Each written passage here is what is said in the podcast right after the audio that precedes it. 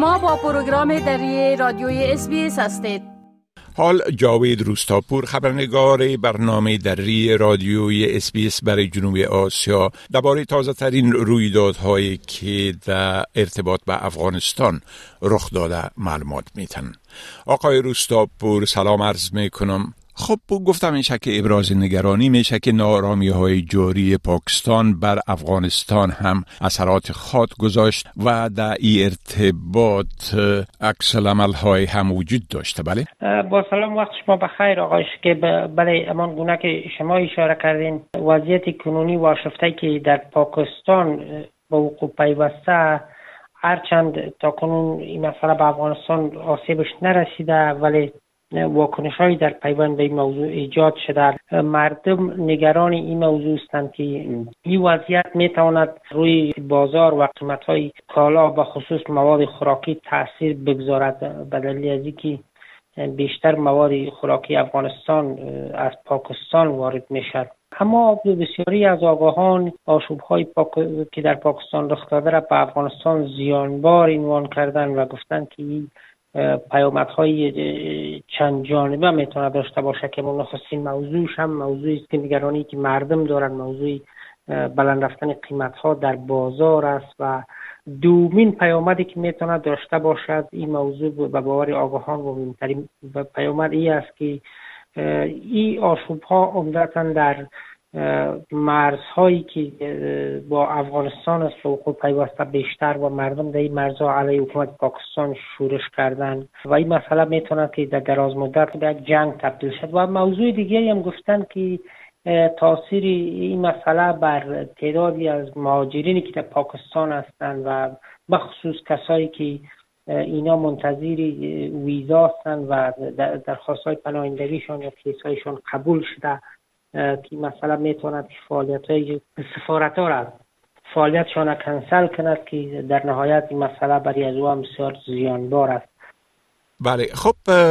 چنانچه در اخبارم ذکر کردیم صدر اعظم و وزیر خارجه قطر برای ملاقات با رهبران طالبا به قندهار رفته. می‌دانین که در این مذاکرات آیت حال افشا شده که در مورد چی موضوعات مذاکره شده و یا هم چی افواهات در این ارتباط وجود داره. بله سخنگوی طالبان زبولای مجاهد با نشر یک خبرنامه در این خصوص گفته که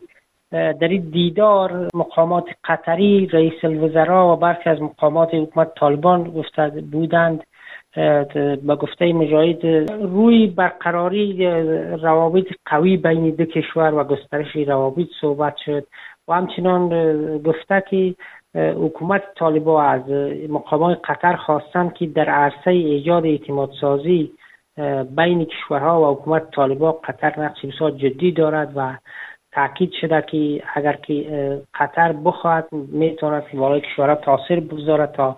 حکومت طالبا را به رسمیت بشناسند. اما برخی ها در این رابطه واکنششان این بوده که قطر عمدتا هرچند از متحدین طالبان به شمار میرد ولی قطر زیر فشار سازمان ملل و برخی از کشورها به خصوص کشورهای اروپایی و آمریکا است و مقامای قطر به کابل آمدن تا از طالبان بخواهند که تعلیق کار زنان را دوباره لغو کنه بازنگری کنند در رابطه با این